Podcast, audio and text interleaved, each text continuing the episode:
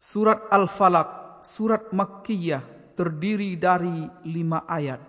بسم الله الرحمن الرحيم Dengan menyebut nama Allah yang maha pemurah lagi maha penyayang.